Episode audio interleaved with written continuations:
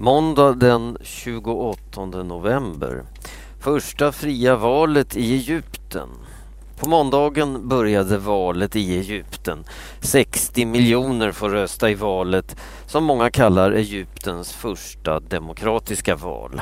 Men en del är osäkra på om valet blir fritt. Militärerna har styrt landet sedan i våras. Den senaste veckan har varit våldsam i Egypten. Människor har protesterat mot militärernas makt. Protesterna har stoppats våldsamt av militärerna. Många människor har dödats. Valet kommer att vara i tre omgångar fram till i januari. Politiker till parlamentet ska väljas. Nästa år ska det bli presidentval. Litet hopp om nytt klimatavtal. På måndagen öppnade Förenta Nationernas stora klimatmöte i Durban i Sydafrika. Målet med mötet är att få fram ett nytt avtal om minskade utsläpp av koldioxid och andra gaser som ändrar klimatet på jorden. Men chansen att få med alla länder på ett nytt eh, avtal är eh, liten. USA och Kina vill inte lova stora minskningar av utsläppen. Många experter tror att det kan dröja flera år innan världens länder enas om ett nytt avtal om minskade utsläpp. Vi kan få vänta ända till år 2020 på ett nytt avtal, tror en del. Många dödades när bron rasade. En bro har rasat på ön Borneo i landet Indonesien. Den 720 meter långa bron över floden Mahakam rasade i helgen. En buss, bilar och många motorcyklar störtade i vattnet.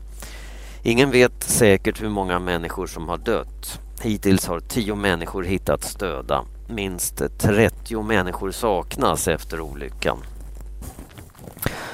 Pettersson vann helgens sprint.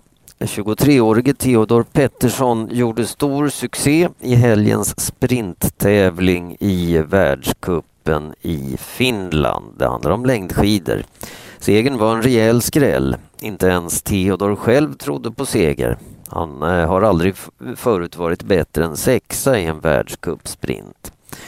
Jag trodde inte att jag skulle vinna, absolut inte, säger hjälten till Dagens Nyheter. Sveriges sprinttränade Arild Monsen tror mycket på Theodor Pettersson. Han kan bli en av världens bästa framöver, säger Monsen. Norges Petter Northug vann jaktstartsloppet på söndagen. Tvåa blev Dario Colonia från Schweiz. Johan Olsson blev bäste svensk på femte plats. Norges Marit Björgen tog eh, hem segern i damernas tävling. Det blev norskt på andra och tredje plats också. Therese Johaug blev tvåa och Vibeke Skofterud blev trea. Charlotte Kalla var bästa svenska med en fjärde plats. Pietele Holmner på prispallen i slalom. Maria Pietele Holmner är i fin form. I helgens slalom i Aspen i USA blev hon tvåa. Marlies Schilt från Österrike vann tävlingen. Hon var mer än en sekund före svenskan i mål. Jag är jättestolt över att stå här som tvåa, sa Maria efter tävlingen. Svenskan trivdes bra i backen i Aspen. Eh, förra året vann hon slalomtävlingen här. Jag känner mig hemma här och tycker om backen, säger hon. Frida Hansdotter åkte också bra i tävlingen. Hon kom på tionde plats. Men eh, Therese Borssén körde ur i första åket. Stormen drabbade södra Sverige. Det stormade rejält i södra och västra Sverige på söndagen Bron mellan Sverige och Danmark fick stänga på grund av de hårda stormvindarna. Det blåste så hårt att det var farligt att gå ut. Tågtrafiken drabbades också. Många tåg ställdes in och andra blev försenade. Träd blåste ner över vägar, järnvägar och elledningar. Omkring 80 000 hus var fortfarande utan elström på måndagsmorgonen. I Göteborg höll en stor glasvägg på ett köpcenter på att blåsa ner. I Norge dödades fyra människor i stormen.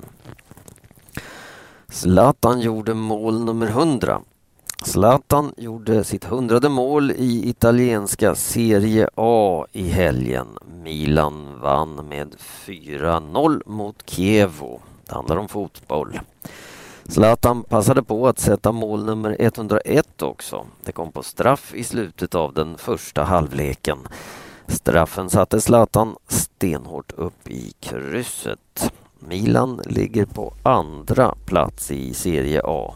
Juventus leder serien.